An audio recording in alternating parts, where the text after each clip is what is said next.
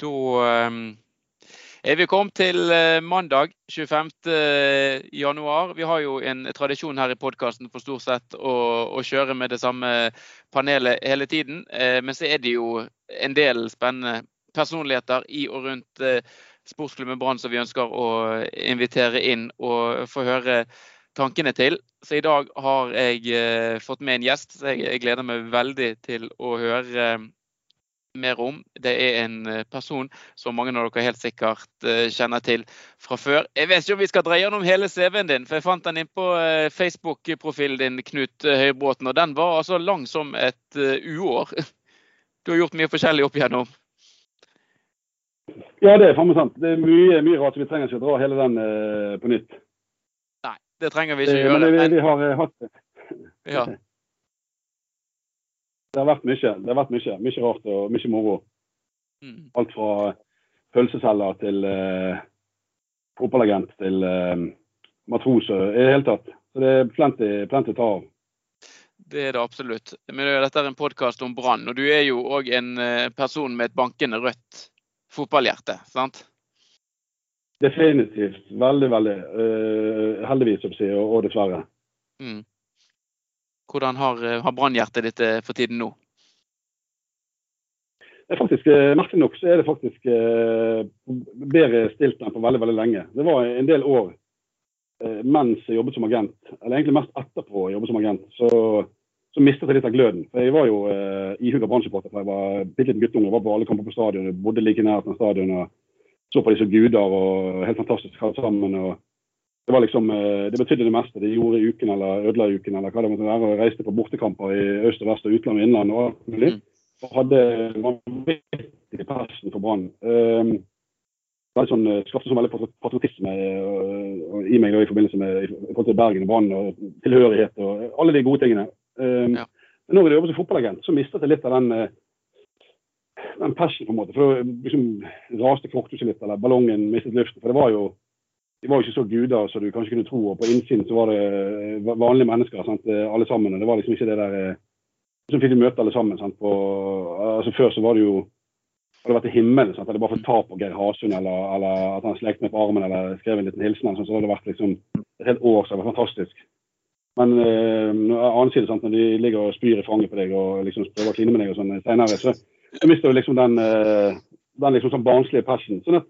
For min del så har det faktisk kommet tilbake nå de senere årene. Så jeg, mm. Eh, selv om det gikk helt åt skogen med Brann i fjor, så, så, kjente jeg på masse glød og passion. Så jeg gleder meg sinnssykt til å kjøpe partukort nå, og jeg syns det er helt konge. Mm. Ja, det er veldig, veldig, kjekt å høre. Men jeg forstått sånn, du er født eh, på, vi si, på slutten, slutten av 70-tallet, så du på en måte, din introduksjon til Brann det var vel gjerne den heistilværelsen opp og ned, men kanskje òg litt sånn cupfinaler på en måte 80-tallet. Det var jo eh, det er jo en del av de som lytter på som ikke fulgte med Brann da. men det er jo ikke sånn at eh, det alltid har vært fryd og gammen i sportsklubben Brann. og Nå ble jo fjoråret veldig et miserabelt år. Men det er jo ikke sånn at det har vært fritt for, for nedturer eh, tidligere i historikken til klubben. Nei, helt sant. helt sant. Nei, det, det, var jo veldig opp og ned på den tiden der. og men 90-tallet var jo fint. Men uansett, altså, om det gikk opp eller gikk ned eh, Det har jo vært eh, bedre å vi spilte kvalik, kvalik mot Sandefjord i hvor tid det måtte være, i 2001 eller 2002 og, og klarte med et nødskrik med fyrverkeri på stadion. Så det er bedre med sånne type tilværelser enn å ligge liksom på 8.-9.-plass uh, eh, jevnt gjennom sesongen. Syns i hvert fall jeg. Hvor liksom mm. det er bare sånn kjedelig og ikke noe spennende som skjer. Så det, det er bedre å kjempe i nedrykk enn å ligge på midten. Ja, det kan du si. Men det første, husker du første brannminnet ditt om det er altså første brannkamp eller første brannspilleren som du beit merke i? Eh, ja, det kan være så mange. Jeg vet ikke. Det var jo eh, Nei, hvem, virkelig, altså, virkelig, den store som jeg virkelig sånn, eh, ble forelsket i, det var jo Geir Hasund, som jeg har hatt eh, hele livet. og malte, Tok lakenet til mutter'n og rødmaling fra huset og malte svære sånne bannere som vi hadde med oss over hele Norge. Og, og, eh, så Geir Hasund var liksom store stjernen. Det er klart at Atle Torvanger og Ville Bahus og hele gjengen der, og det var jo, helt, det var jo storheter. Sant? Det var jo fantastiske mm. spillere alt sammen. og Soltvetten og, og, alt mulig. Så det var veldig veldig mange tav og mange storheter som, eh, hadde mye personlighet både på og utenfor banen. Mm. Ser du eh, noen som har potensial til å på en måte få en tilsvarende status, eller på en måte den eh, personligheten i dagens eh, tropp? Det er jo på en måte, Hvis man har fulgt med en stund, så har man jo kanskje fått litt inntrykk av at Brann er blitt litt gråere og kjedeligere. At det var en litt mer personligheter og profiler i klubben tidligere. Ja, nei, helt sant. Helt sant. Jeg, jeg, er den oppfatning av at ethvert lag må jo ha en, på en, måte en klovn. Sånn, en type Charlie Miller eller Raymond Kvisvik som som kan finte tre mann sant, på, på venstrevingen. og så Etter de har fintet dem, så snur de seg mot publikum og bukker før de liksom legger et innlegg. Så har det der samspillet med publikum som er helt unikt. og det er klart at uh, Vi har manglet det en god stund. det har vi faktisk. Så Hvem som har potensial til å kunne bli det nå, det er jeg faktisk usikker på. Men uh, For det må jo være litt sånn fannivoldsk og, og, og, litt frekk i kjeften både på og utenfor banen. Så hvem som uh, Jeg vet ikke, hvem tenker du? hvem tenker du har potensial? Jeg er litt usikker. jeg. Ja, altså jeg synes Det er jo på en måte det med han eh, Niklas Jensen Vassberg er jo en, det er jo en spennende historie på en måte med hele han og hva skal jeg si, hans eh, forfedre og på en måte hele den bagasjen som han har med seg. da. I tillegg også til at jeg syns han er litt sånn, bare på banen ganske sånn frekk og freidig. Tør veldig sånn vågal. Ja, ja, Tør å på en måte dra av en mann og to og på en måte bjuda litt på. Helt klart. helt klart. Definitivt en mann som er, er, på en måte i kategorien. Så hvis han bare Nå, nå kjenner ikke han i hele tatt. og jeg har ikke sett så voldsomme intervjuer av han, men uh, hvis han får den lille sånn uh, snerten i øyet, uh, gnisten i øyet i tillegg, og at han er litt sånn rampete og frekk og, og gøyal og, og, gjerne vinker til publikum i kampen, så, så har vi en, en klar vinner etter hvert. Ja, for Det er jo på en måte kanskje et litt poeng med den klovnen og det som du snakker om. at han, skal jo helst være litt god i fotball. Altså, det, Hvis du bare på en måte er idiot og hvis du ikke klarer å si, følge det opp med sportslige prestasjoner, så ser man gjerne bare litt teit ut. Men uh, Raymond Kvisvik og Charlie Miller de hadde jo på en måte, altså de kunne jo gjøre det helt geniale òg. Det er helt sant. og Jeg, jeg har jo alt likt også backer. og sånn, Geddien var jo fantastisk. Sant? Han hadde jo det sånn som back, så var han jo fløy på sidelinjen hele tiden. og, og En kanskje litt sånn wildcard som jeg tenkte nå i årets lag, er jo faktisk eh, Blombergen. Mm. Fordi han er jo eh, Nå har han dessverre ikke spilt så mye, men han gutser noe helt sinnssykt. og er jo tar helt fyr offensivt når han først eh, får muligheten. Sant? Og, og tar dribler opp fra siden der. og Klart han har hatt noen sånn litt sånne eh, småglipper defensivt, men det, jeg tenker at det, det, hører med når du skal på en måte prøve deg på det litt gøye og spektakulære offensivt. Så han også har sånn, Hvis du stopper de hullene sine der, så kan det godt hende at han kan bli en sånn artig kar på sidene det kan absolutt bli, bli, spennende å se. Nå er jo de eh, Brann på treningsleir nede på eh, Gran Canaria. Stemmer det. Og du har vel du har vært på treningsleir med Brann, har ikke du det? I sydligere strøk? ja, i sydligere strøk. Jo, jo, det har jeg også. På, på La Manga, som i gode gamle dager. når de, hadde, de var på La Manga. Da var jeg med ja. et par ganger nede. Så det, det var det var både, masse gøy der, for å si det sånn. Det var både det ene og det andre. Det var, det var, det var blant annet når Charlie Miller og gjengen var med. og Det var kasino, og det var fyrings og det var jeg strippet bl.a. på bardisken der i en sånn avslutningsfest som Brann hadde. Og, nei, det, det, var kjempegøy. Det var veldig, veldig gøy. Da var de veldig inkluderende. og Mons Iveren som trener var, det var veldig kos. Det var veldig, veldig kos. Og veldig gode minner derfra. Ja. Jeg håper de gjør det samme. At det er mer, fortsatt er mye stripping? ja, for så vidt. Det kan hende at det er tatt videre. Det kan, jeg vet ikke, men det er lagt inn som et sånt element at alle de nye spillerne kanskje må strippe på badisen, sånn som jeg gjorde. Så Det hadde vært helt topp hvis det var en det, det, det, eh, da senker du garden med en gang. Sant? og Da har du liksom eh, løftet eh, bokseren, for å si det sånn. Bokstavelig talt. Men hvordan Var det uoppfordret stripping, dette her, eller hva var eh, hva forhistorien? Nei, det var ikke uoppfordret. Det var i den forstand at uh, de hadde en sånn avslutningsfest. Jeg var der sammen med Migi Memelli og en helt sinnssyk agent fra Albania. Uh, helt totalt gal mann. Mm. Og, og, vi var der vel en ukes tid og, og hang med dem og, og, var tett på lag. Og vi, innimellom så så vi vel faktisk på selve altså på rom med Migen og et par andre. Uh, for vi hadde ikke rom på hotellet. Så vi, vi var liksom med laget. Så det var veldig sånn inkludert. Det var veldig hyggelig. Og, og Dan og Raymond og disse gutta her. Det var bare kos. Og, og, på slutten så hadde vi en sånn um, avslutningsfest som de tradisjonelt hadde, hvor de skulle, hvor de, skulle de nye spillerne måtte da fremføre et eller annet. Og Migen Memelli han sang en fantastisk flott sang. Og jeg husker som det var eh, solgt Nei, det var ikke han. Det var, hvem var dette? Det var en elendig sånn eh, kar fra Slovenia. Jeg husker ikke hva han het engang. Janet Sabel, var det han? Ja, jeg tror han ja. Han var sånn veldig sånn flau affære og veldig sånn pinlig case og ikke noe særlig gøy. Mm. Så var det på andre karer. Og så spurte faktisk Mons Iveren, når alle var ferdige om at eh, Eller jeg spurte ikke, han sa at liksom fordi at nå har det vært sånn freerider hele uken og satt jo der i et hjørne og fyrte og flirte for meg sjøl. Så sa nå får faen meg Knuten uh, gjøre et eller annet her, og han også. Så Det ble vel tatt på sengen, men jeg tenkte at ok, da skal jeg gi han rett i retur. Så det hoppet jeg på bardisken og begynte å strippe. Ok, ja. Det, men det ble gøy. Det var veldig fint. Det var, det var kos. Det var en trivelig kveld. Ja, Så du har rett og slett uh, vist det som er å vise. For det var jo det var rundt gullaget til Brann dette, så på en måte du fikk Definitivt. Det, vist det frem. så Ja. det, det kan hende at Du vet aldri. Kanskje de fikk det til å senke skuldrene, og jeg hadde et medvirkende årsak der. Ja. En litt sånn stygg ræv som liksom fikk det til å tenke at dette, dette går bra.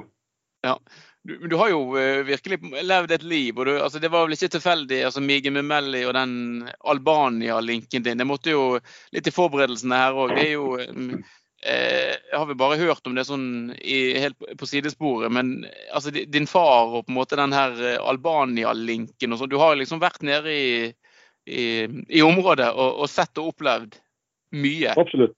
Absolutt. Ja, det, det er en lang historie vi kan ta på en egen, egen podkast-serie. du sier. Men eh, nei, det var sant. Min, min far begynte av en snodig grunn å- med noen hurtigbåter i Albania på 90-tallet.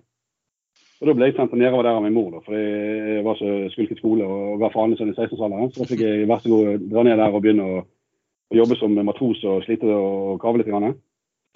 Sånn at da, eh, da var det mye stress, og så var det mye kos. Og så var det kvinnfolk, og det var gøy. Eh, og det endte opp med at eh, jeg er blitt veldig veldig glad i Albania og har vært veldig mye siden. Og, og, og min far startet opp et fotballag da i 94 som eh, lang historie kort eh, dro og, og, og vant Norway Cup for eh, junior og slo Brann 6-0 i finalen med 57-0 i målforskjell. og i hele tatt.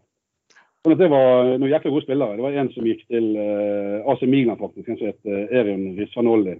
Mm. Og så var det da den første som jeg uh, fikk solgt til Norge, det var Jami Hyka som gikk til Rosenborg. Mm.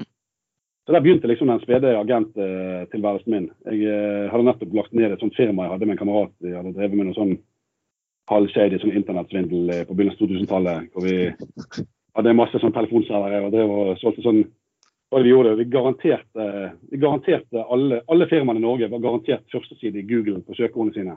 Okay. Så, du, ja, så etter hvert når du kan si at eh, hvis det var 100 firmaer, så hadde f.eks. sykkelbutikk, sant? så hovedsøk og alle 100 fikk garantert eh, førstesiden. Så klart at etter hvert så fikk du telefoner inn på kundeservice. Så det gikk jo sånn som det gikk etter hvert. Eh, og da satt jeg uten jobb, og så tenkte jeg at nå må jeg finne på noe gøy. Og, og jeg elsker fotball, og jeg er flink til å selge.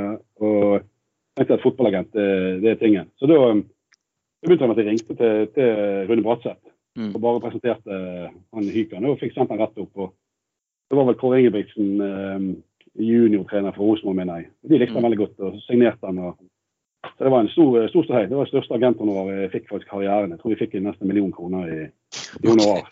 Ja. Så det var helt, eh, helt ellevilt. Det var, det var en fin begynnelse. for å si sånn. Ja, og så kom Miggen Mumelli til Brann. Han var vel òg ditt verk? eh, og- Ja, ja, da, ja, eh, mange, mange, faktisk mange Brann-spillere etter hvert som vi har fikset til Brann. Mm. Eh, men Migge Memelli, absolutt. Han, han kom, og det var kjempegøy. Da, var, vi, det var, det var tiden det var litt sånn uh, halvcowboy-tilstander. Så fikk vi laget en avtale hvor vi hadde en sånn slags medeier, eh, medeier i, i Migge Memelli, da, så det var helt ulovlig selvfølgelig, men, men som vi klarte å få til. Mm. Sånn at uh, han, ga jo, han ga jo på en måte det han hadde. Han, uh, han må vel være den spilleren i Brann som liksom har kanskje stått minst som spiss, men samtidig vært best likt på en måte fordi han, han ga så jævlig innsats hele tiden. Han løp jo gjerne fra cornerflagg til cornerflagg, sånn diagonalt. Og, og jeg husker Mons Ivan sa han var fortvilet, for han uansett hva han ba han om å gjøre, og hva soner ba han om å spille i. Og, Mm. og så, så var han jo, han bare løp etter ballen. Uansett hvor han faen ballen var, så løp han etter ballen. Akkurat som syverfotball på barneskolen. Sant? Han bare var overalt hele banen. Sånn han hadde jo, men han hadde jo best fysikk og best spenst og best hurtighet og alt på, på Brann, så han var jo en slags maskin. Litt huleboer, da.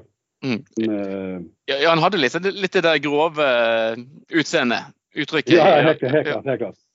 Helt klart. Så, men utrolig fin type. da. Veldig veldig morsom og hadde hatt mye gøy med han etterpå. Så han, han er en veldig fin type. Men da fikk jo, solgte han jo for eh, tre gangen eller fire gangen av hva Brann kjøpte han for til Guys eh, året eller to etterpå. Så det var jo ganske spesielt at vi fikk så mye penger for han. Nettopp. Ja. Det var veldig bra. Nei, det var helt, helt topp. det. Snakker du med han ennå? Altså, vet du hvordan det går med Miggen? Liksom? Ja, nå har han de siste årene han bare vært eh, trener i Albania og litt sånn TV-ekspert og litt forskjellig sånn, så vi har meldt litt innimellom og litt sånn kose og smil. Og, eh, Så neste gang jeg nedover Jeg, skulle, jeg var nedover nå for et par måneder siden i Albania. Da skulle jeg egentlig møte ham, men da hadde jeg ikke Da var jeg nede litt i Syd-Albania, så jeg fikk ikke møte ham. Men eh, planen er å møte ham nå. Og ta en eh, kopp kaffe og litt kos. Ja. Ja, ja, ja, det er viktig, det. Han, er jo en, han gjorde seg jo bemerket i, i Brann, eh, selv om det ikke ble så veldig lenge han var. Men jeg eh, lurer meg på Kan han ha skåret hat trick mot disse her Åt Vidar Berg? Ja, det stemmer. Sånn Europacupkamp eh, på stadion en sommer, eh, sommerdag der. Helt rett. Jeg tror han, har han skallet enten skallet han i, i stolpen eller i en eller annen medspiller eller motspiller. Men han løp en sånn turban på hodet og blødde seg faen og skåret mål i alle retninger. Ja.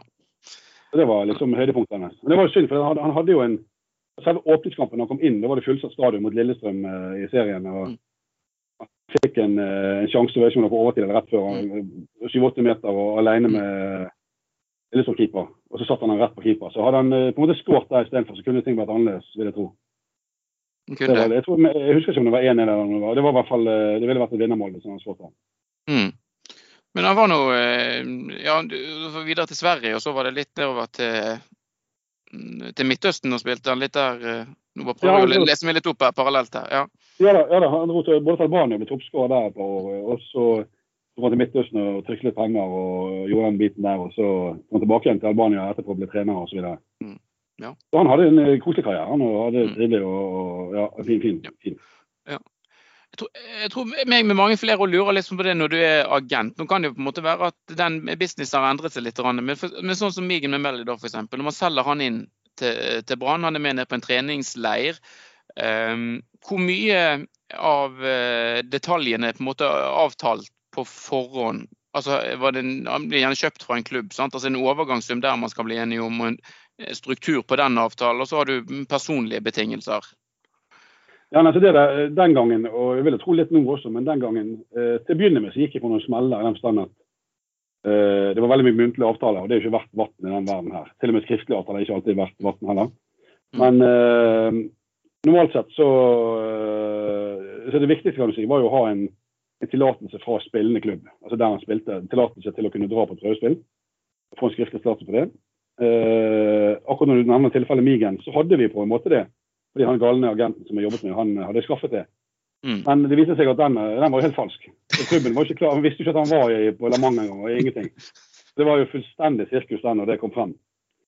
Og så, eh, sånn at det ble veldig veldig styrete. Eh, Når det gjelder akkurat de personlige betingelsene, så absolutt, det må det jo vi må jo ha en viss eh, ramme, altså sånn pluss-minus-ramme på forhånd. sånn at eh, altså Det er ikke vits i å ta Messi på prøvespill i Brann, liksom. Eh, Mm. Når du vet at han skal ha to milliarder i årslønn, så hjelper ikke det. Men så du må ha en viss ramme på forhånd. Eh, både når det gjelder overgangssum og, eh, og personlige betingelser. Så kan jo det forandre seg opp og ned sant, i forbindelse med prøvespill. Hvis det er et prøvespill. I, I andre tilfeller så har jo klubbene fulgt spillerne godt og kjenner dem godt. Og det er ikke snakk om prøvespill. Og det er mange, mange spillere som nekter å, å, å foreta prøvespill òg. Altså, de vil heller at klubben kommer og se dem, eller, eller gi et direkte bud uten prøvespill. Mm. Med kun, eh, medisinsk sjekk, liksom. That's it. Så, sånn at det var litt sånn opp og ned. Det er noen, noen spillere som absolutt hardnakket de nektet. De, de følte det nesten var sånn si, eh, nesten pinlig, og ikke pinlig, men det var sånn eh, nederlag å dra på prøvespill. da. Mhm. De var vel redd for å få en sånn track record med at du kanskje hadde vært på en eh, tre-fire klubber på prøvespill uten å få kontrakt. Så det ser jo ikke gjerne så bra ut på CV-en etter hvert. Nei. Det kan være forskjellige grunner til å ikke få kontrakt, men, men eh, Så det var litt sånn ymse. Men eh, selvfølgelig, du burde ha litt, eh, litt koll på sakene før du setter i gang. Nettopp. Så, så for eksempel nå, eh, bare for, nå vet jo ikke verken du eller i detaljene i det, men når Brann f.eks. har kjøpt Mathias Dyngeland nå i vinter fra Elfsborg, så Ja. vet de på en måte før de innleder dialog med Elfsborg, har de en, en formening gjennom agenten på hvor lønnskrav og sånn vil ligge. altså Sånn at man ikke strever med å bli enig med en klubb, og så, så strander det på personlige betingelser. Altså Er det, er det på en måte litt sånn transparent? Ja, det vil jeg si. Det, det er så enkelt som at hvis du var sportsdirektør i, i Elfsborg, så er det bare til å ringe. og eller Hvis det, du er agent med Dyngeland, så vet han det på en måte å ringe. Så det er egentlig veldig enkelt sånn sett. Det er som en eh, commodity, en, en vare. Så, så lenge alle spiller med rene kort og det er transparens, som så er det jo ikke noe problem. Problemet begynner jo hvis agenten eller andre folk i, imellom skal prøve liksom å tenke at eh, OK, de sier eh, to millioner, Brann sier de betaler maks 500. Så begynner du å trikse litt imellom, og så sier du til begge klubbene og spiller de opp mot hverandre og sier at ja da, Brann kommer sikkert til å strekke seg til to millioner. og Mm. så sier du til Brann at Elfsborg kommer sikkert til å trekke til 500 000. Sant? Og så tenker du at dette fikser jeg imellom. Og da kan det fort bli litt rotete etter hvert. Ja, Nettopp. Men sånt agenthonorar, da, hva blir det beregnet ut ifra? Overgangssum, eller altså verdien av avtalen, hvis du altså regner inn på en måte sign-on-fee og lønninger, på en måte, altså hele pakken? Ja, der, altså, Den gangen var det det kan godt hende fremdeles. Det var det liksom av pakke, totalpakke. Dvs. Si, sign-on-fee, overgangssum, eh, eh, lønn ganger de årene. For eksempel hvis du har enkelt, hvis det er, hvis det er sign-on-fee på en million og, og, og, eh, lønn på en million i året og en fireårskontrakt, så er det fem millioner. Så Mm. beregner du da 4, 4 prosentmessig ut, ut ifra det. Når, når jeg holdt på, så var det jo rundt 10 Nå er det vel kanskje nede i en mellom 3 til 6 tror jeg. Mm. Sånn at, eh, og da var det ofte det at du eh, Noen klubber gjorde det sånn at du fikk utbetalt eh, agenthonorar hvert år som spilleren var der. Så du fikk da 5 eller 10% av spillerens lønning hvert år på faktura. Eller så var du med å få hele agenthonoraret eh, i det spilleren signerte. på en måte. Så uavhengig hvis spilleren ble solgt etter ett år, så hadde du fått på en måte agenthonorar basert på at du spiller der i fem år. Nettopp. År. Ja. Sånn at det var litt, eh, litt ymse varianter. Og så var det jo Mm. Så var det jo sånn at uh, i Norge i hvert fall at spillerne måtte betale skatt av agenthonoraret. Uh, så da prøvde man å finne løsninger som gjorde at det ikke fremstod som et agenthonorar. kan man si det. -hmm. okay, ja. Så det er jo, for jeg tror de måtte betale 50 av, av agenthonoraret. Så det er klart at hvis du hadde en, hvis en spiller hadde en million i, i lønn første år, og agenten din fikk 500 000 i agenthonorar, så måtte du betale 250 000 i skatt for agenthonoraret. Å, ja. Toppen av egen skatt. Så da eh, det er et kjipt år første året. Det blir det jo, da. Ja. Men du, eh, med flere spillere eh, ble det jo eh, til Brann. Jeg vet ikke om det var altså Du var like overbevist over det si, sportslige vurderingene som ble, ble gjort. Jeg vet ikke om Vi skal, vi trenger ikke å henge ut folk, men det var jo noen spillere som ble formidlet som gjerne ikke ble de aller største suksessene i sportsklubben Brann. Nei, det er jo sant. Det er sant. Heldigvis så så fikk jeg med meg Per Ove Ludvigsen på laget. Han eh, sluttet jo i Brann i 2006 eller 2006 og begynte å jobbe sammen med meg. Vi hadde firma sammen i noen år. Og, og det var jo kjempegreit, for han, eh, han hadde jo bedre sportlig kompetanse enn meg og, og tyngde, faglig tyngde inn mot klubbene. Og de hadde jo en ganske tidlig mulig overgang. Det var vel han Joakim Sjøhage som eh, tilbød til Brann Mm. Eh, gjennom, altså Vi kunne tilby han til Brann og, og tjene raske penger fordi jeg mener at det var Patrick Hansson som hadde på en måte gått god for han. Eh, uten å henge ut han, men han på en måte hadde gått god for han via en svenske kontakter. Um, så, eh, men det ville, ikke, det ville ikke Per Ove i det hele tatt. for Han mente at den spilleren var så forbanna dårlig at han ville ikke vedkjenne seg eh, firmanavnet vårt i forbindelse med han. Mm. Jeg var, jeg var jo sur for det, da, for det var jo easy money. sant? Det var jo dønn deal egentlig allerede. Det var forhandlet ferdig, alt var helt greit. Og Da måtte vi faktisk slippe den ballen, for Per Ove ville ikke. Og så gikk han via en annen agent, og det ble jo en helt fiaskosignering totalt. Så, så det var en veldig bra avgjørelse av Per Ove. Det var jo kjempebra. Da hadde vi jo Mm. gode navn eh, i behold, si det sånn. Nettopp. Ja. Ja. Men så Det var, det var eh, greit. ja. Men, men det der holdt du på med en stund. Hvor lenge var du agent? Sånn Det var vel fra en 2004 frem til en 2012. Sånt. Ja. Det, var en, det var en del år etter hvert. Ja. Eh, 2013. Og så har jeg jo, etter det så har jeg jo eh, jeg har vært involvert i liksom småplukk innimellom. og Det ringer jo stadig vekk både spillere og klubber, og ikke minst fedre som ringer og, og har den neste store eh, Messi-spilleren eh, på gutterommet. Så det er klart at eh, Men, eh, han er ikke involvert, så eh, jeg, ja, jeg blander meg ikke så veldig mye nå, for å si det sånn. Men du var jo da, når du drev med dette, så var du vel både altså Per Ove Ludvigsen var du litt i, i teamet, og så Kjetil Knutsen òg. Kjenner jo du godt, sant? Ja ja da. Den gangen så, så, så var vi ute og fartet. Og vi hadde litt andre, andre ting vi holdt på med også. Han, eh, de er jo veldig gode venner fra før. Så jeg var så heldig å få ha noen eh, veldig ålreite turer til, til Balkan med både Kjetil Knutsen og Per Ove og Roberten og Robert Hauge. Og, så vi hadde flere artige turer ned der. Det, det var litt andre ting enn fotball det handlet om. Det var litt andre type, type investeringer. Men det, likevel så var det veldig veldig gøy. Det var høydere, høydere for å si det sånn. Veldig Ja. store høydere med masse spenstig innhold. Ja. Og så tar vel du eh, den dag i dag du tar æren for at Kjetil Knutsen ikke ble Rosenborg-trener etter en sånn tweet som du la ut eh, da når det, når det stormet mest i det, i det ryktet at, eh, at du hadde så mye på Kjetil Knutsen at han, han kunne ikke bli Rosenborg-trener. For da kom du til å, å lekke litt. Ja, jeg, tenkte det. for jeg, jeg, jeg, jeg husker huske på at eneste, jeg, tweeter jo kun for likes. Jeg er helt jeg er for likes. Jeg skal bare likes. Så jeg, Mm. jeg ser at en tweet ikke blir likes på, så, så slipper jeg den. Hvis det blir likes, så lar jeg den stå. Sånn. Så, sånn at det ser ut i Twitter-feeden min, så står det bare tweet med likes på. Så folk tror jo fy faen, han legger bare ut gullikes hele tiden. Sant? Alle, men det de ikke vet, at det ligger en 15-20-30 tweets mellom hver sånn, så det er bare helt forferdelig dårlig. og gjerne skrevet i blodfyller og, og, og rent kjøtt. Og av og til drøyt og av og til ikke gøy. til Men i hvert fall i forhold til Kjetil, så var det også eh, Selvfølgelig har jeg masse gøye historier om Kjetil, men, eh, men jeg tror han vet veldig godt at uh, det ville aldri, aldri kommet ut noe som helst sted. Det ligger i, i safen. Men det var gøy det var gøy, å, gøy å kunne skrive det. For mange, som tok det videre og syntes det var tidlig, så det, det, er helt klart. Men ja. han, er, han, er, en så fin gutt at uh, han kan ikke du drive og, og si noe tøys om. Nei, ikke det. Men det er jo um, ergerlig at, uh, at, han får det så bra til i Bodø-Glimt. At en person som har vært i og rundt sfæren til, til sportsklubben Brann, uh, en bergensk trener uh, at, ikke, at, ikke, at ikke i Brann han på en måte får ut sitt potensial, som er helt åpenbart. Helt sant. helt sant. Men, men, men kan du snu på hodet igjen også. så kanskje det altså på en måte ikke ærlig. Jeg er jo forferdelig glad i mannen. Jeg syns mm. altså, han fortjente en, en bedre skjebne i Bergen enn det han fikk. Og, og, Det er ikke så lett alltid å være profet i egen by. Sant? Det viser både i forbindelse med spillere og andre at de får ikke det til i Bergen, og så blomstrer de utenbys. Så, så det kan godt hende han allerede har fått det til i, i Brann i det hele tatt. For Brann har jo en sånn i, altså Hele klubben har jo altså Alle i Brann ønsker jo kun Brann det beste, og, og ønsker Brann vel og ønsker at Brann skal gjøre det bra. og ønsker sånn, Men så er det akkurat som klubben har en sånn iboende faenskap som gjør at ting fucker opp eh, til stadighet. At, eh, selv om alle har lyst til å dra i samme retning, så ikke alltid de gjør det. og, og jantelover og mye rart stikker inn, sånn at, eh, og masse masse meninger i alle mulige forskjellige eh, retninger. Så Det kan godt hende at han ikke hadde fått det til i, i, i Brann i det hele tatt. Så jeg, eh, jeg er superglad på hans vegne. så Det er helt sinnssykt hva han har fått til opp. og Jeg, jeg håper han bare tar seg en god runde internasjonalt. så Han fortjener det skikkelig å få prøvd seg i større ligaer og, og, og vist hvor potensialet hans liksom kan makses. For han er jo åpenbart eh, helt sinnssyk. Jeg mener han har vært eh, en av de uh, Det er jo, jo Det er undervurdert trenere, men det er jo lett å si i, nå når han er god. Men, men han har jo vært, han har vært, hatt en klar filosofi helt siden Hovding og han og Robert Hauge. og alt, så, han spiller jo på det. og Jeg syns han er helt kanon. Jeg, jeg digger han. Men mm. som sagt, selvfølgelig han skulle gjerne, det skulle si han også. Han skulle sikkert gjerne fått det til det samme i Brann. Ja. Mm. Nå er det litt sånn uh, haket av og på med, med, med lyden her, men det, det tror jeg, jeg tror det, det, skal gå greit. Men uh, hallo, ja. Er det fortsatt greit? Ja, det var Ludvig. Det var naboen som ringte, så jeg måtte bare legge på.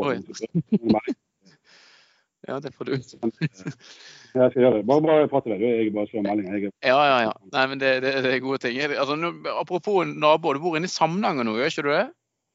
Jeg er, jeg er i Samnanger, ja. ja har blitt uh, gjort sauebonde og lokalpolitiker av deg. Jeg vet ikke hvordan det er når du sier naboen. Er det, er det liksom, hva for avstander snakker vi her? Liksom, det er et stykke mellom husene i Samnanger.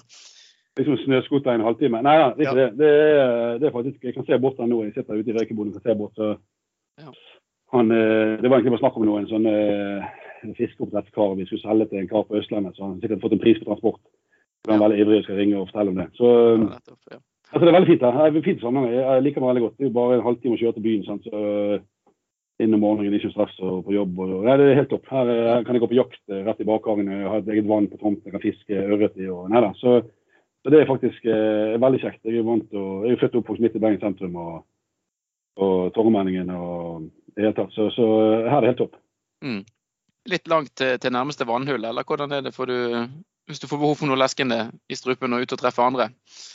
Nei, jeg treffer andre, så nå sitter jeg jo ute i røykeboden min selv. Jeg har jo alltid glass rødvin hvis det trengs. Men eh, nærmeste vannhull det blir jo eh, Bjørkheim kro og pizzeria. Eh, faktisk nå har vi fått inn Milano Pizza. som er, og Der er en, en, en jævla fin eh, kurder som eh, driver sjappen. Han, uh, han, kaller meg for sjef. sjef. Så, så derfor har jeg alltid huske at uh, Kommunestyret det er vi som gir skjenkebevilgning til de mm. forskjellige skjenkestedene her. Jeg sitter i kommunestyret, så jeg har sagt til det at det er greit kjemper din sak, men nå skal vi jaggu meg ha mye gratis drikke. Så det, det har fungert fint hittil. Helt strålende. Hva, ja, hvem, hvem, er du, ja, ja, hvem, er det du, representerer da i det kommunestyret? Altså, hva for uh, liste er det du står på? Det, det, er sånn lokal, lokal bygdeliste. Sånn lokalt uh, initiativ, kan du si. Mm. Uh, med en ganske sprø ordfører i spissen som var veldig opptatt av at vi skulle beholde samlingens egen bygd og ikke slå sammen med nabobygdene, altså Bergen eller Osterøy eller Vaksdal eller sånn. Mm. Og um, kjempet veldig for det. Det var jo, var jo tett på liksom, uh, om det skulle bli sammenslåing eller ikke. Og, og, jeg var jo veldig for å ikke sammenslå. og det viser seg jo ettertid, det er veldig kjedelig sånn politikk, men, men, de er jo veldig misfornøyde, de som har slått seg sammen. stort sett, De vil jo bare bryte ut igjen. Så det var veldig bra. Og han, eh, ja, han er flink. Han er flink. Han er kjent for på å ha veldig trange bukser og jogger rundt i dongeribukser. Helt, helt sant. Så han er en, eh, en slags sånn religionsfigur for hele kommunen, på godt og på vondt. Ja, ja, ja. Og så hørte jeg rykter om det var noe, noe flagging på kommunehuset, eller var det en Ja, det var da regnbueflagg på kommunehuset. Det, Ja. det, ja, det hadde jeg som forslag, og det, det fikk vi gjennom. Det var helt topp. Så, Mm. Det var litt, eh, mørke krefter som kjempet imot og sånn, men det vil det vel alltid være i, i, i eh, bygdesamfunn. Så men eh, lyset og gleden og kosen og dansen vant. Så det var helt supert. Så det ble Ja, sånn pridefest og alt mulig. Helt, helt strålende. Det, jo, eh, det var jo litt eh, kamper som måtte til på Brann stadion òg, når man skulle ha disse regnbueflaggene på, på hjørneflaggene. Det var, det ikke helt eh, det var jo ikke helt sånn eh, rett frem eh, å få det til heller. Så det, det, det er godt å høre at det, det går fremover. Ja, da, Vi er jo tross alt i 2022 etter hvert, så vi må jo, ting må jo begynne å gå litt fremover etter hvert. Så det, det er bra. Det, det er lov å håpe på det. Men du, fotballivet ditt og sånn, er det på en måte en sånn eh, noe du er helt eh, ferdig med? Nå er det, er det kul, kulepenner du driver og selger? Nå er det liksom, liksom, eh, Ja, jeg, jeg liker jo å kalle meg for det. Jeg syns det er mye koseligere enn eh, corporate sales executive. Så det er koselig å kalle seg for kulepennselger. Ja, Sånn jeg har, eh, jeg har det som er, altså det, jeg har en 8-4-jobb som er så kjedelig som at jeg er bare ansvarlig for Vestlandet for et stort uh, fransk selskap som, som selger uh, Det er det samme som Staples. Og nå er jo faktisk selskapet som jeg jobber i, kjøpt Staples, så da, da blir jo det spist opp i tillegg. Så det, det er på en måte det. da. Jeg er ansvarlig for storkunder og hjemmekontor og Coca-Cola og ute og drikker kaffe og prater og har det kjekt. Så det, det er bare veldig veldig trivelig. Fin jobb og fine kollegaer og alt sånn. Og så har jeg en del andre prosjekter på si som jeg driver med i, i her. ja, ja, ja. Du har jo, eh, du har jo litt eh, erfaring fra ymse. Så du til og med har stått, i, eh, stått og solgt pølsene pølser nede på trekroneren. Ja, ja, ja, absolutt. Det var helt fantastisk. Nå eh, skjærte meg i hjertet og leste i Bergensavisen i går at de hadde halvert omsetningen de siste eh, to månedene. Så det var gamle sjefen min Dag som sto der og kjente på det. De, de fortjener å få solgt folk på ta seg en tur ned der og så bare mate på med pølser. Det, er det en gullsjappe? Det er en gullsjappe. Det er jo en institusjon i, i bybildet, så vi får håpe den Ja, holder ut og husker- folk eh, husker å kjøpe pølser. Ja. Jeg hadde noen drøye historier med det. For meg kan vi ta på et sånt nachspiel-podkast. Det var noen Det var noen kvinn, kvinnfolk baki der og noen frosne pølser som havnet på grillen etter en eller og det andre, og så ble vi rett i en eller annen eh, nattugle. Men eh, sånn at eh, det har skjedd både det ene og det andre. Ja. Men veldig, veldig det blir- koselig. Veldig koselig. Det, det er veldig koselig, ja. Nei, det blir, eh, jeg gleder meg til den podkasten allerede, merker jeg. Det, jeg tror det blir, det blir en fin en. Men eh, fotball og agentlivet, da? Er du ferdig med det, føler du? Eller er, du, eh, er det en interesse som kan bli vekket på ny? Ja, nei, det kan, kan absolutt bli vekket igjen. Altså, jeg, jeg, er jo veldig, jeg elsker fotball, og jeg, så det kan absolutt bli vekket igjen. sånn at min- Jeg har vel satt en sånn, uh, satt en sånn uh, si, standard, men jeg har satt at altså, når det, er spennende caser, da, da tar jeg det. Hvis det er spennende caser som jeg skikkelig tror på. Eh, når jeg jobbet som agent fulltid, så, tok du tok du alt og prøvde på alt. og, og i alle mulige retninger. Men nå, hvis det er noen sånn ordentlig spennende case du har eh, Jeg har jo opparbeidet meg litt sånn eh, magefølelse etter hvert. så Hvis det er noe ordentlig spennende, da hjelper. Så jeg har hjulpet en del spillere de siste siste årene bare med som er kos og sånn gratis og vært litt på sidelinjene. For det er, jo, det, er jo, det er jo givende bare å kunne hjelpe dem litt og gi dem råd og være litt i bakgrunnen og, og prate litt med foreldrene og gi dem litt råd og sånn. Så det, det har vært koselig å se et par av de blomstre opp og, og gjøre det bra. Vi trenger jo liksom litt sånn der kokende Balkan-typer på, Ja, det er sant. på faktisk Vi hadde trengt liksom Ja, noe som kunne fyrt, eh, fått litt uh, fyr i teltet. det er sant. Kanskje jeg der nå om en eh, måned to. Kanskje jeg skal ta en liten, uh, liten prat med Migen og et par andre og så se om det er noen luringer som ligger og lusker i sivet som kunne tatt et tur til Brann.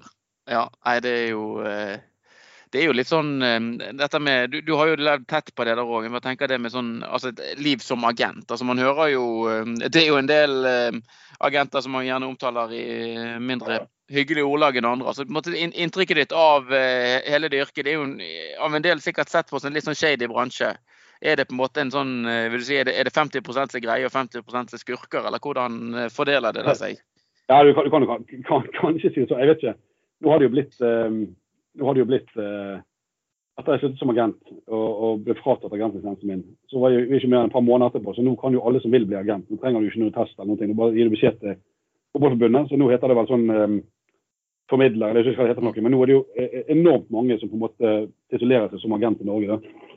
Sånn at eh, Hvor mange av de som er seriøse og useriøse, det vet jeg ikke. Men, men du har jo noen eh, veldig flinke eh, altså Morten Livestad og, at Eke og et par sånne blodseriøse, flinke agenter i, i, Norge som jeg har stor respekt for, som virkelig har fått det til. Og, og så klart at sånn Rent i kroner og øre så er jo, er jo han, eh, han som navnet ikke skal nevnes, eh, ifølge Harry Potter. Han, mm. eh, han, har gjort det helt sinnssykt bra. Sant? Han tjener penger som gress. og er jo, er jo dritmisunnelig på suksessen han har hatt. Sant? Det er klart at uh, Selv om han har sikkert gjort en jeg tipper han har gjort en nærmere en milliard etter hvert, når de begynner å summere opp og lete på bankkontoer rundt omkring i Afrika og andre steder hvor han har mm. sult unna disse midlene. Så, han, er klart at han er jo superflink, og det er jo veldig mange spillere som bruker han også og, og har hatt suksess med han. Uh, men moralen hans er jo på bånn. Altså, det, det er jo på bånn. Sånn at, så jeg vet ikke, Han er vel kanskje en slags blanding av begge delene. Han er flink økonomisk og helt mm. forferdelig moralsk. Mm. Det er jo eh, Det var gode gamle Scooter som sa at uh, it's uh, nice, to be, nice to be important, but more important to be nice. Den skulle han hatt på, på replay på, på øret. ja. For, for, for, tips inn fra siden. Nei, men jeg, når jeg ser Brann fra utsiden og på en måte tenker det med hvordan Brann rekrutterer og bruker agenter og på en måte hele Eh, hva skal jeg si, sportslige mm, Hvordan det er rigget. da. Så Jeg vil jo tro at eh, selv en klubb i Branns målestokk da, da på en måte eh, hva skal jeg si, systematisert det der med, med spillerrekruttering på en helt annen måte enn en de gjør. At det, det, virker på en måte, det virker litt sånn tilfeldig, hele det på en måte apparatet. altså Det blir veldig, veldig på en måte trenerstyrt, og på en måte de er inne på korte kontrakter. Men at jeg, jeg, jeg, tror det, jeg tror det er en jeg tror ikke det er så forferdelig ulikt som det var tidligere. Jeg tror det er en blanding. At de har, eh, de har eh, gode systemer, lange systemer hvor de følger spillere. Og Per Ove som speider jeg er overbevist om at han gjør en sinnssyk jobb med å ha god koll på, på spillere. Og, og, han er veldig flink med systemer osv. Så sånn de har, de har det er en blanding av at de har veldig god oversikt og en, en langsiktig strategi på spillere osv. Eh, som de gjerne følger med på og kan tenke seg inn. Pluss at plutselig så får de spilt inn spillere fra høyre og venstre som kan være spennende. Og så kan det skje spontane ting som kommer liksom uventet. At det oppstår uventede situasjoner i andre klubber eller andre steder eller i forbindelse med andre handler. Så må de ta kjappe avgjørelser. Og da kan det jo gå på en måte begge veier. Så jeg tror nok at eh, vi hadde vel eh, Senest i fjor i Brann så hadde vi vel ikke bare ett, og kanskje to og tre eksempler på overganger som helt åpenbart eh, ikke var tenkt gjennom i flere år i forveien. Mm. Det var vel flere der som var rimelig eh, spontant, kunne det virke som. Ja, det var en del som kom inn der og ikke Ja. Eh, det var jo rett frem dårlig håndverk på en del av de, helt åpenbart. Så får vi håpe at det, det blir, en, at det blir en, en, bedring på det. Eh, nå er det jo veldig mange Ser det nesten ut som eneste inntakskravet for å komme inn i sportsklubben Brann er at du, du, helst skal være født på Haukeland. Da er det på en måte Da er du good. ja, det er sant. Men jeg syns det er helt nydelig. Det er så gøy da, å skulle stille med et eh, rent Bergenslaget eller Hordalandslaget på, på, på, flere kamper i år. og og herre og få de spilt sammen. Det hadde vært helt fantastisk kult. Ja. ja nei, hvis det, det, nei, nei, nei, hvis de får det til med det, så er det helt, eh, helt topp, det. Men um, ja. det er jo um, Obos-ligaen som venter nå. Hva for uh, følelser har du for Brannåret? Så um, som smått er i gang nå med, med treningsleir. Det er jo fortsatt med i cupen og skal spille om opprykk i, i serien.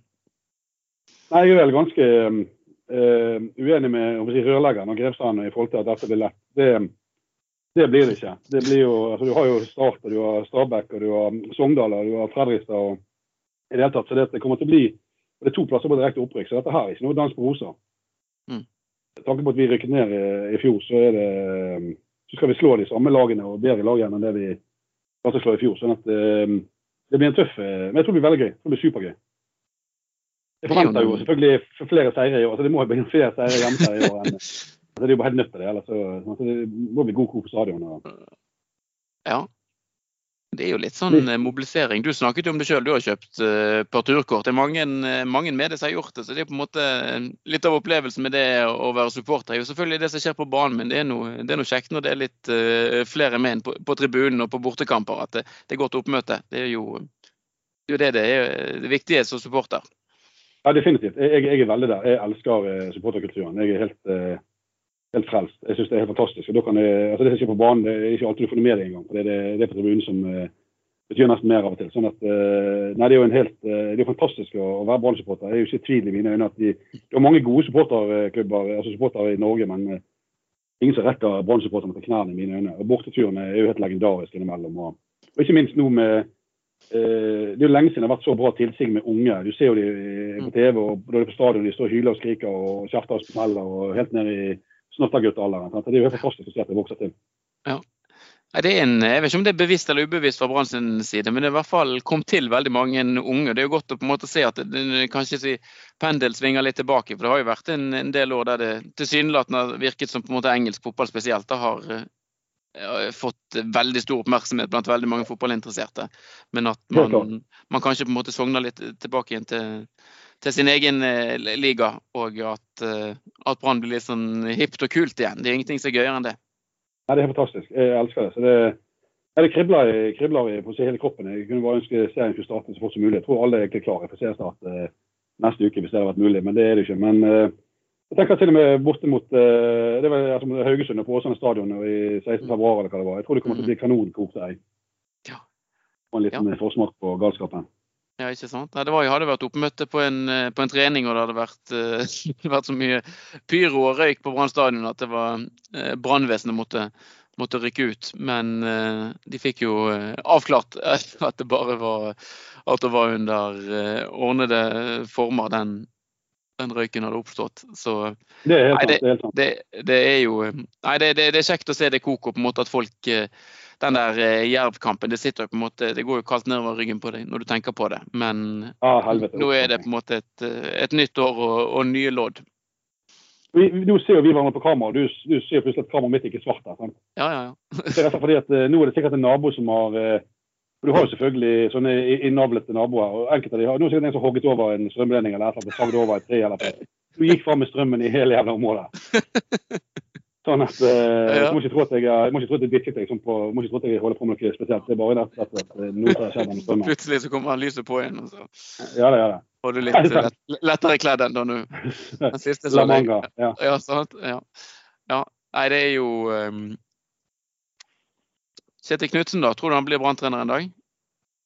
Jeg håper inderlig det. Jeg håper inderlig det. Uh, det håper jeg. Men jeg håper håper han får seg en god, Han er jo bare en ung, uh, ung smøkatt fremdeles. Jeg håper han får seg en, uh, en god runde ut i, i verden og, og, og får kost seg litt. Grann, da. Og at han, at han, først, at han først nå får liksom Bodø-Glimt uh, gjerne vinner med de en sesong til hvis han klarer det. er jo helt sinnssykt, Og så komme så langt som mulig i Europa med de. og i det hele tatt. Jeg ønsker han alt, alt godt. altså Det er jo en forbanna eventyr, hele mannen. Sånn at, uh, han, er, han er jo utrolig, utrolig morsom, trivelig og ned på bakken. Han er så vanvittig ned på bakken, den mannen der. at uh, at er nesten sånn kryper. Han er helt fantastisk. Så, sånn at, eh, nei, Jeg håper han blir brann det gjør jeg absolutt. Men eh, det blir vel ikke for han eh, good and ready, tenker jeg. Og, og Brann er good and ready. At, eh, mm. jeg, håper de, jeg håper de timer det riktig. Ikke sant, ja. Kan han bli en sånn uh, Ferguson eller noe sånt som kan bare være trener de siste 20 årene av livet sitt og bare holde oss på gull hele veien? Ja, det hadde jo hadde vært noe. Det hadde vært noe. Ja, det hørtes litt, litt for ubransk ut. at det hadde, det hadde kanskje gått greit noen, noen år, og så hadde det gått, uh, gått til helvete. Det er liksom, uh, ja, nei, det er liksom uh, Jeg bare prøver å huske litt sånn tilbake inn når vi var på topp under LAN der den sommeren 2018, og du på en måte bare tenkte at det fløyt. og på en måte, Det, det kunne ikke gå galt, dette. og liksom, Det var helt, det var helt, umulig, det helt umulig å se hvordan dette toget skulle spore av. Helt sant, helt sant. sitter vi her et par år senere, og så var det plutselig Obos-ligaen. Det er liksom, ja. Det sporet så jævlig av. Det er skikkelig ordentlig avsporing. Så det, nei, det året 2021 det er jo en det er helt uh, ubegripelig. Min uh, nevø Mathias han er jævla sånn på hugget og flink uh, TV-kis og sånn. Han hadde pitchet inn for TV 2 eller noe sånt. Om jeg ikke skulle lage en dokumentar og følge Brann. Litt sånn mm. type uh, Sunderland til Adai. Ja. Eller litt sånn um, litt sånn som så den her Drive to Survive med å følge flere flere lag mm. i Ja. De takket mm. nei til det. Men tenk, tenk deg å ha hatt en sånn dokumentar på bakgrunnen i, i, i Brann i fjor. Oi, oi, oi. Det tror jeg kanskje hadde blitt eh, internasjonalt største sportsdokumentaren som noensinne har vært laget. Ja, den må jo ha touchet, uh, touchet mange rekorder. Ja, jeg elsker det. Jeg tenker, Flue på veggen rundt det der nachspielet. Uff. Ja, ja, ja, ja, men hele, hele, hele sesongen. Liksom. Hele året, det, ikke, det, går ikke an å skrive et manus som er så sinnssykt som det fjoråret. Så det hadde vært uh, nesten ikke troverdig engang. Nei, sant. Nei. Nei, det er jo en eh, Det er aldri en kjedelig dag eh, som Brann-supporter, i hvert fall. Eller kjedelig år. Det er jo det er alltid noe. Det er liksom, eh, jeg lurer liksom på hvordan de har det, de som holder med Odd. altså, Det er helt rett. Det er helt rett. Det må være et litt sånn fattig, fattigere fotballiv, tror jeg. Jeg ser nå master jeg på to sekunder, for nå driver uh, nok en gang. driver madammen. Jeg, må, jeg må jo ha 4G, sant? jeg har ikke internett for strømmen er gått pga. naboene. Sant? Så, men nå har jeg drevet madammen og sendte meg, det skulle prøve å ringe meg på meg. Ja, der kan du se. Ja, det, er ikke, det er ikke så greit. Vi kan begynne, vi kan begynne å gå inn for, for landing etter hvert. Det er mange som vil ha Det er mange som vil ha, ha fatt i deg. Sånn, ja. Tralala, pausemusikk der, så vi der. Nydelig, ingen problem. Dette går smertefritt og smidig. Mm. Ja da, ikke tenk på det. Da er vi tilbake igjen. Ja. ja. Men um, det er tøffe tak å være, være brannsupporter, men du har jo opplevd andre tøffe ting i Hva sa du nå? Nei, nei, I og med at du har traktet nedover i, i Albania og på Balkan, så det, på en måte det å oppleve et nedrykk med Brann er jo på en måte eh, gir jo seg jo gjerne noen utslag på, på syke, men du har vel drevet og hva seilte du over fra var det Italia til Albania? Du, ja, ja, ja. Bare på en måte motsatt, eh, motsatt vei der. Motsatt vei, ja. det var, mm. det var, altså Basen var i Durres i Albania, og så var det over til uh, Italia. Så vi, vi, kjørte da det var opp klokken, opp klokken uh, fem om morgenen, så var det ned og, og, og begynne å ta imot passasjerene på kaien. Og, og det kom det jo, for det var jo rett etter Albania hadde åpnet etter kommunismen. Og, det var jo enormt mange albanere som bodde i utlandet. Så da så da var det veldig oppstandelse og hele uh, nede på, ned på kaien. Det var 17. mai-stemning hver morgen. liksom, Alle skulle om bord og sus og klapp og klem. Og, mm. og, så var det bortover. og En uh, sinnssyk tur. Og, og, det var hurtigbåt som gikk jo i 40 knop sant, over mm. Adrathavet der. og kunne være høye bølger, og folk spydde som griser og måtte bære rundt på dem. Det var et skikkelig sånn zoologisk hage på en måte om bord der. Um, og så eh, kom de bort til Italia, og der var det da å gå i land og kose seg litt. og Noen fantastiske sånne bar i, bar i Italia, Syd-Italia, der hvor faktisk Huseklemmen spilte. Det er jo en sånn skikkelig kjeltringeby. Sånn ordentlig sånn god gammel uh, mafiaby. Hm. Og nede i kaiområdet der var liksom noe av det verste strøket. og der, der var det noen sånne ufattelig kule lunsjrestauranter hvor alle kom fra fjern og nær, og, og kjeltringpakke og alt mulig. og vi sjømenn og alt sånt. Og, og da bare slengte det alt mulig mat på bordet. Det var kjempestemning i timevis der. Vi, og det var kjempekos. Så kom vi tilbake på båten sånn litt på beris, og, og, så var det å ta imot albanere skulle tilbake til Albania. og Samme galskapen tilbake igjen og, og kom hjem om kvelden. og så var det da, med, da var det alltid det, var som, altså, du, altså, det kunne være 1000 mennesker på kaien som sto liksom og ventet på, på sine slektninger som ikke de hadde sett på kanskje 10-15-20 år. Mm. Og Det var noen sånne scener der på kaiene som var fantastiske og gøy. så det, Hver kveld var liksom en sånn show. på en måte. Det må det ha vært, da. Så det, det, var, det, var, det, var, det var gøy. Det var veldig gøy. Mm. Ja, og dette var jo på en måte, altså Albania er jo et land som er i ferd med å uh, få veldig høyere si, anseelse kanskje i, i, i, Norge og andre land nå. Sånn, altså, nå er det jo mer et uh, yndet uh, feriemål, men det var gjerne ikke det på, på, på midten av 90-tallet eller hvor tid dette må ha vært. Nei, noe, noe er, det jo nei, det er absolutt ikke det. var ikke det folk hadde rett at. Det var, det var nordmenn, og så hadde han bare gått vill eller fått en psykotisk lidelse. eller noe sånt. Så, da, så da måtte du bare passe på det. Men nå er det jo eh, helt sykt med turister her nede. Nesten i overkant. Jeg, er jo, jeg savner nesten mer hvor det var eh, i gamle dager, hvor det var liksom mer eh, kos og stille og rolig og, og mindre utlending. Men nå er det jo helt enormt med, enormt med utlendinger. Mm. Sånn at eh, Sånn at, eh, jeg har mistet det på, på headsetet, som jeg har det på øret. sånn sett, sant? Mye tekniske utfordringer her i sommeren i dag. Men det tar ikke vi så tungt.